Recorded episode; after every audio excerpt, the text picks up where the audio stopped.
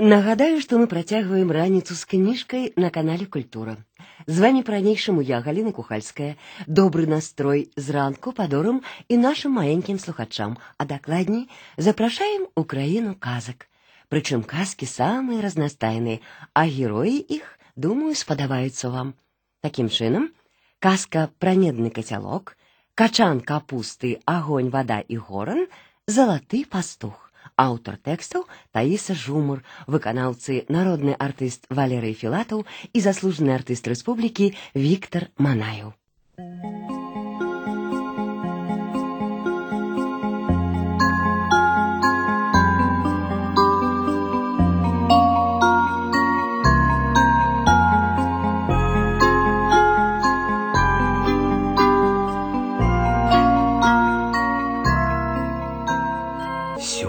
раскажу табе гісторыю, якая адбылася больш за 200 гадоў таму. Але у той даўніны ёсць свае сведкі. І што там сведкі, галоўныя героі? Ну дык слухай уважліва.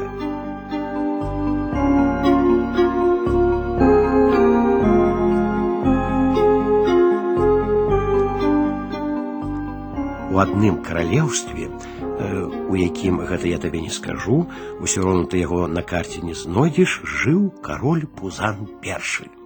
Нішто сабе быў валадар, ну, зрэшты, як усе ягоныя суседзі каралі.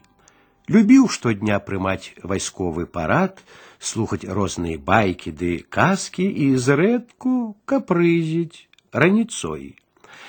Але меў наш пузан адну дзіўную звычку есці кожны раз з новага посуду. Ну, так, маўляў, цікавей. А каб прыслуга яго не падманула, пузан першы загадаў пасля снеданяў, абедаў ды вячэр разбіваць увесь посуд, з якога толькі што еў. Шкада было чалядзінам біць прыгожыя каралеўскія сервізы, але што зробіш? Каралеўскае слово закон. Да таго ж пузан першы займеў сабе новую забаву Ён сам трушчыў талеркі ды фужэры, страляючы ў іх з ружа.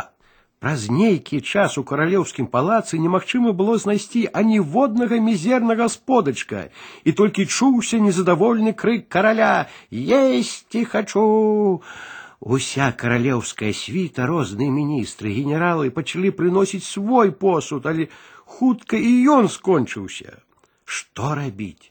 Як не шчыраваў каралеўскі кухар, як не стараўся, не хоча кароль есці і ўсё тут. Пачаў пузан першы чэзнуць ды марнець, а які ж з яго хворага валадар?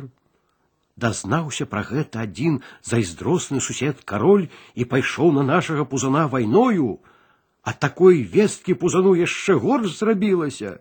Ляжыць не ўстаем, адны лекі прымае, и ничего не есть. А суседова войска под боком ужо. Вероломный сусед прислаў пузану ў палац свайго пасла, маўляў, здавайся, пузан, а не то, а калі здасіся, мой гаспадар суседні кароль вашу каралеўскую міласць будзе шанаваць і ўсе вашыя пажаданні выконваць. І выскаляка пасол дастаў са шкатулкі, якую трымаў ягоны служкай вельмі прыгожы сподачак, размаляваны ружовымі кветкамі, а потым яшчэ адзін і яшчэ. Беднага пузана ажно перасмыкнула. Ён так утаропіўся ў прыгожыя сподачкі, што у чэраве нават забурчэла. Але не гожа каралю прадаваць цэлае каралеўства за нейкі там талерачкі. Прэч адсюль з апошніх сіл выгукнуў кароль і паваліўся на падушкі. Як толькі пасла выгналі з палаца, кароль пузан першы абвесці указ. Хто мяне зможа пакарміць, той атрымае званне генерала і будзе разам са сваім слаўным каралём змагацца супраць вераломнага суседа. І вось ля каралеўскага палаца выцягнулася даўжэзная чарга. Многие жадали стать генералами, але нічога ў іх не атрымалася. Усе як адзін прынеслі пузану лекі для апетыту, а ў караля тых лекаў аж пад столь. Затужыў кароль, страціў нават надзею вылечыцца. Але раптам уваходзіць да яго ў пакой просты салдат, а ў руцэ трымае медны кацялок. да краёў напоўнены салдацкаю кашай. Вось ваша милость, кажа солдат, паспрабуйце маёй кашы з кацялка. Кацялок гэты, відаць, чароўны, проста ежы заўсёды смаку дадае. А мяне надоіч нават ад смерти выратаваў. Вось след ад кулі, бачце. Скасавурыўся кароль на кацялок, але вырашыў такі паспытаць салдацкай кашы. З'еў лыжку і апрастаў увесь кацялок. Узрадаваліся ўсе, нарэшце наш кароль аджыў, а сам кароль радаваўся больш за ўсіх. Не прайшло і пяці хвілін, як пузан першы апрануў вайсковы мундзір і разам з новым генералам адправіўся да свайго войска. Цэлы дзень кароль скакаў на кані, аддаваў загады, каб належным чынам сустрэць непрыяцеля, а ўвечары стомлены вярнуўся ў палац. А дзе мой медны кацялок? спытаў кароль. Вельмі ўжо смачная каша ў ім была. Здзівіліся чалядзіны і толькі руками развялі. Мабыць, гэты кацялок па старой звычцы выкінулі з палаца. Што тут пачалося? Як не стаміўся пузан за цэлы дзень, але абшнырыў увесь палац, увесь сад, але кацялка так і не знайшоў. Ну што тут рабіць? Кароль ужо збіраўся абвясціць новы загад, але раптам пачуўся знаёмы голас. Што гэта вы, ваша вялікасць, у цемры па кустах блукаеце. Я вам тут павячэраць прынёс. Азірнуўся кароль, а гэта яго новы генерал стаіць, а ў руках медны кацялок, поўны духмянага крупніку. Дзе ты яго знайшоў? склікнуў узраданы кароль. Я с моим котелком ніколі не расстаюся, усміхнуўся солдат. Король с солдатом добра павячэралі, а ранкам на чале войска пузан сустрэў варожыя палкі і разбіў іх ушчэнт.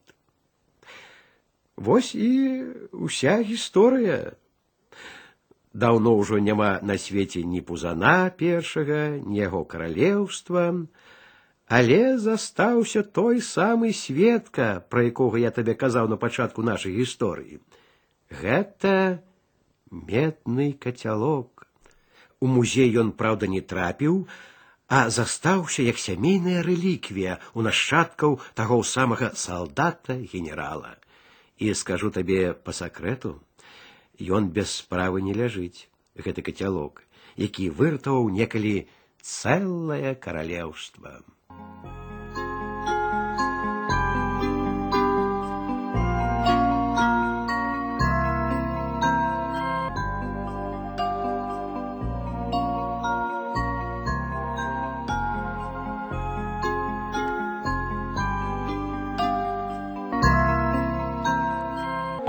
Я хочу рассказать тебе две повучальные истории. Послухай.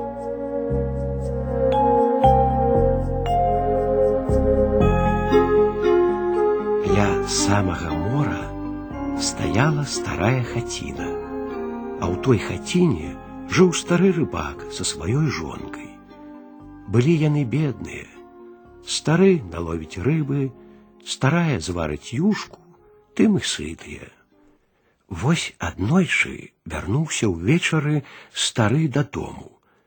Прынёс з дзясятак рыбін, жонку ўжо і кацялок для юшкі дастала з паліцы, ды раптам глянула на рыбу і забедавала.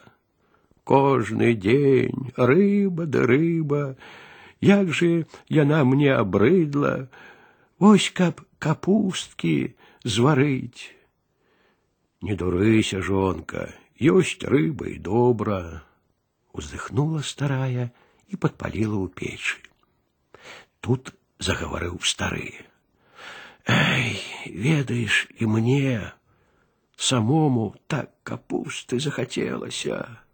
Ды дзе ж яе ўзяць, азвалася жонка. Каб жа быў у нас агарод, у суседкі бачыў, якія качаны на градках сядзяць, вялікі, круглы, эх, нібы парсюкі. Дык тое у суседкі, а мора не агарод. Яго не ўскапаеш, хвалі не грады, іх не засееш. Э, ды пра што гэта казаць? Ай, пайду нерад прасушыць трэба. Выйшаў стары з хаціны, стаў за дзвярыма і задумаўся. Э, шкада мне старой. Неблага было б і сапраўды яе капусткай пацешыць. А ці не залезці мне ў суседскі агарод? Вечар цёмны, хто мяне там убачыць? Вырашыў так стары і пайшоў па сцежцы. А жонка тым часам таксама думала: Ой, шкада мне майго старога. Усё рыба да рыба, хаця б раз яго капусткай пачаставаць. У суседкі качаны добрыя ўрадзіліся. Ай, адным качаном меней яна і не заўважыць. Падумала так старая і пабрыла да суседскага агарода. Праз некаторы час вярнуўся стары дамоў пахмурны, як восеньскае мора, а следам за ім і старая прыйшла. Дрыжыць уся, нібы пажоўклы ліст под ветрам. Стары дакараць пачаў я праз цябе ледзь не памёр ад сораму, бач капусты ёй захацелася, а я стары дурань адправіўся у чужы агарод. Толькі прыгнуўся, каб качан зрэзаць, гляджу, жанчына над градкай нахілілася, гаспадыня відаць кінуўся назад, ледзь ногі мне дадому прынеслі. Гэта ты вінаватая. Ах, дзе вы такое бачылі, я ў яго яшчэ і вінаватая, да я сама ад страху апамятацца не магу. Зайшла я ў суседскі агарод, хацела табе качан зрэзаць, гляджу, мужчына ў градках, не іначай гаспадары. Ох, я на ўцёкі, дагэтуль ногі падгінаюцца. Тут адчыніліся дзверы і на парог ступіла суседка. Тая самая, у якой у агародзе капуста на дзіва ўрадзіла. Рыбак і яго жонка так і абамлелі. А суседка сказала: « Штодня у нас капуста ты капуста, а нам з мужам вельмі ж рыбкі захацелася. Ці не дадзіце нам на юшку. Стары узрадаваўся: « Ды бярыце, бярыце, калі ласка сёння добра рыбка лавілася. Узяла суседка рыбу і сказала: « Уважьте і вы нас. Прынесла я вам капусткі, самы вялікі качан выбрала.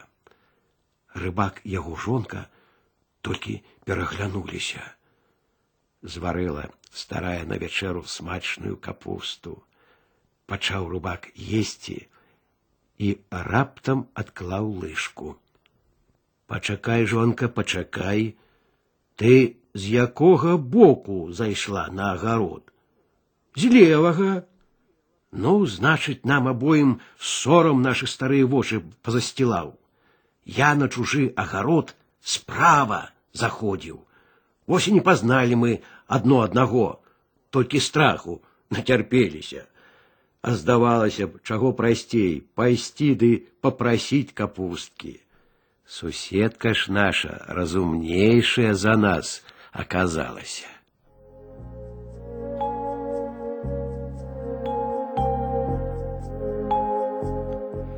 І яшчэ одна гісторыя.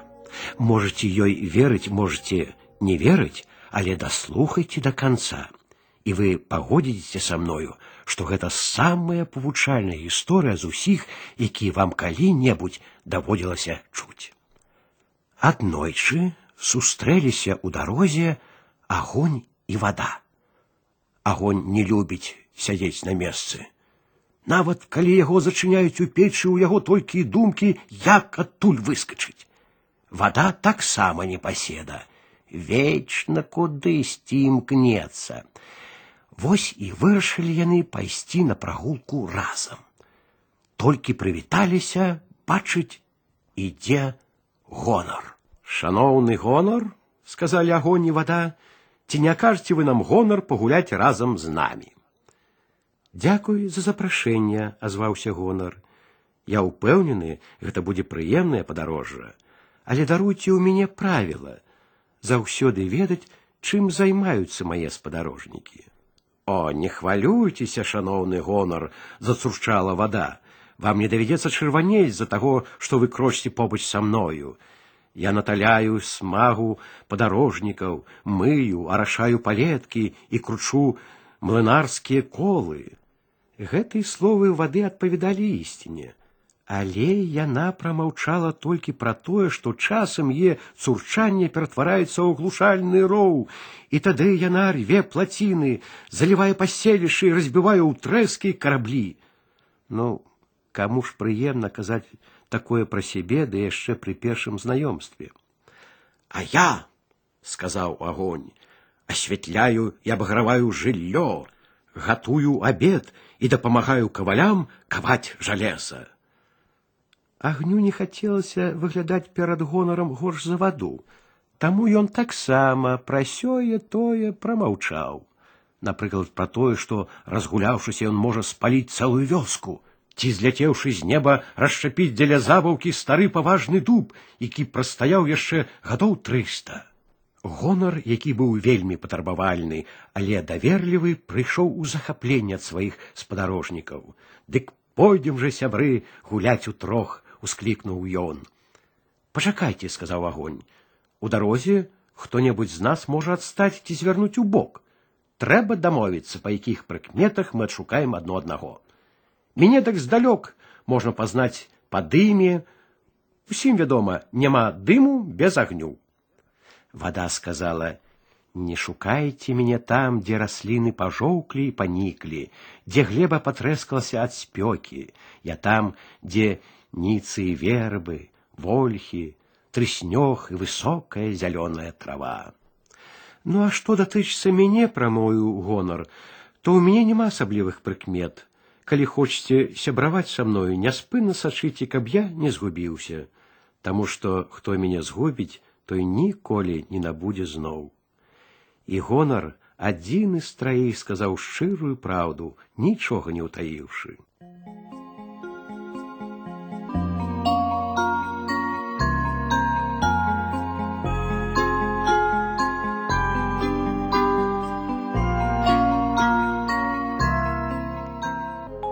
мой маленькі сябр. У маёй казачнай торбе багата цікавых гісторый, і я доўга думаў, якую ж выбраць. А што калі вось гэтую, што расказваюць у адной італьянскай вёсцы.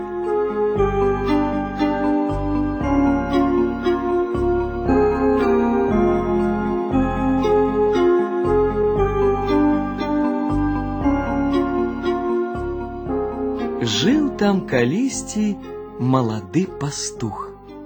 Звалі яго Марціна. Насіў ён заўсёды залатаную куртку, падраныя чаравікі, стары лямцавы капялюш, а за плячыма зрэбную торбу.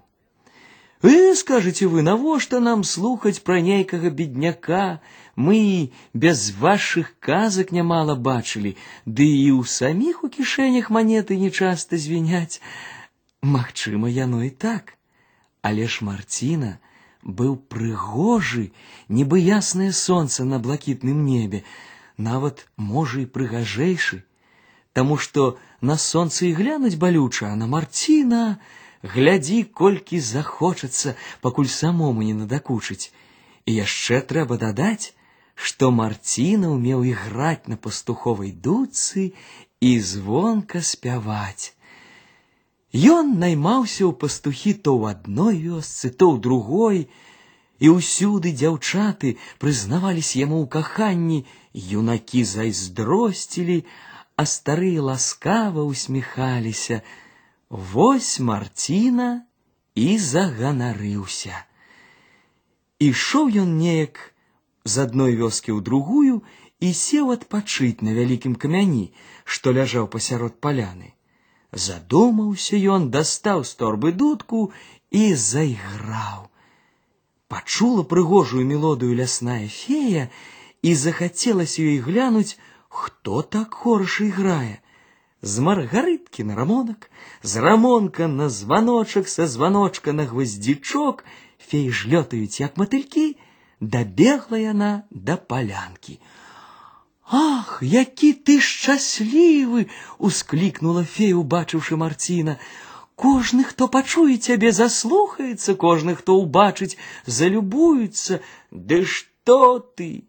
Я самы няшчасны чалавек на свеце.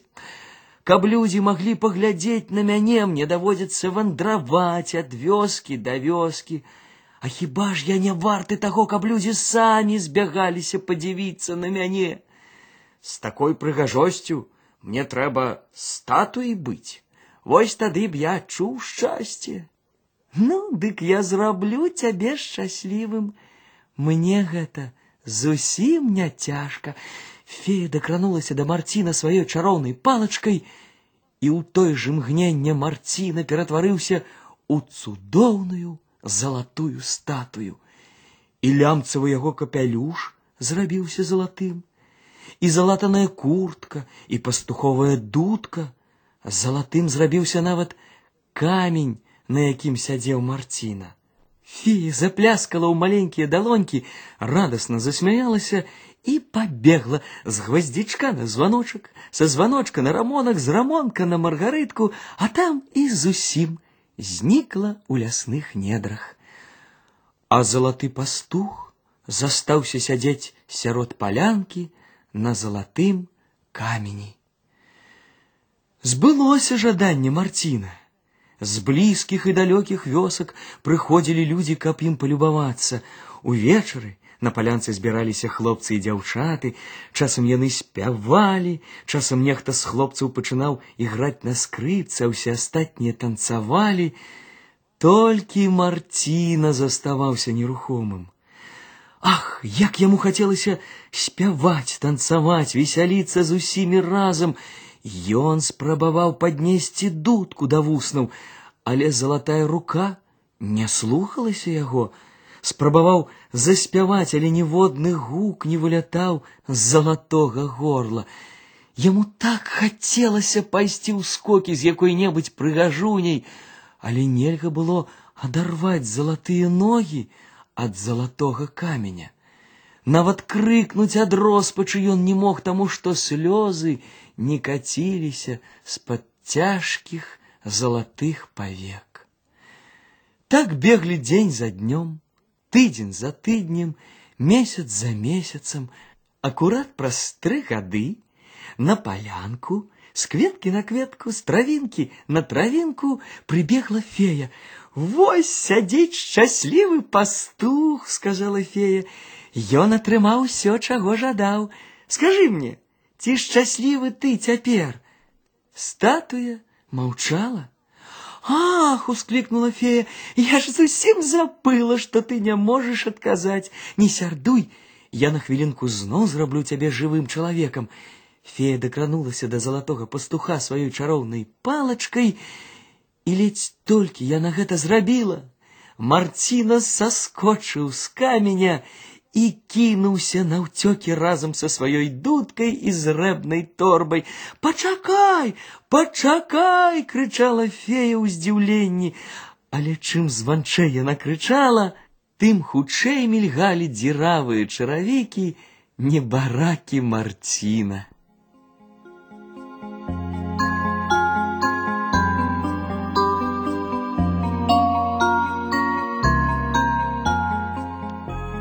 спадабалася табе гэта гісторыя мой маленькі сябар калі так я вельмі рады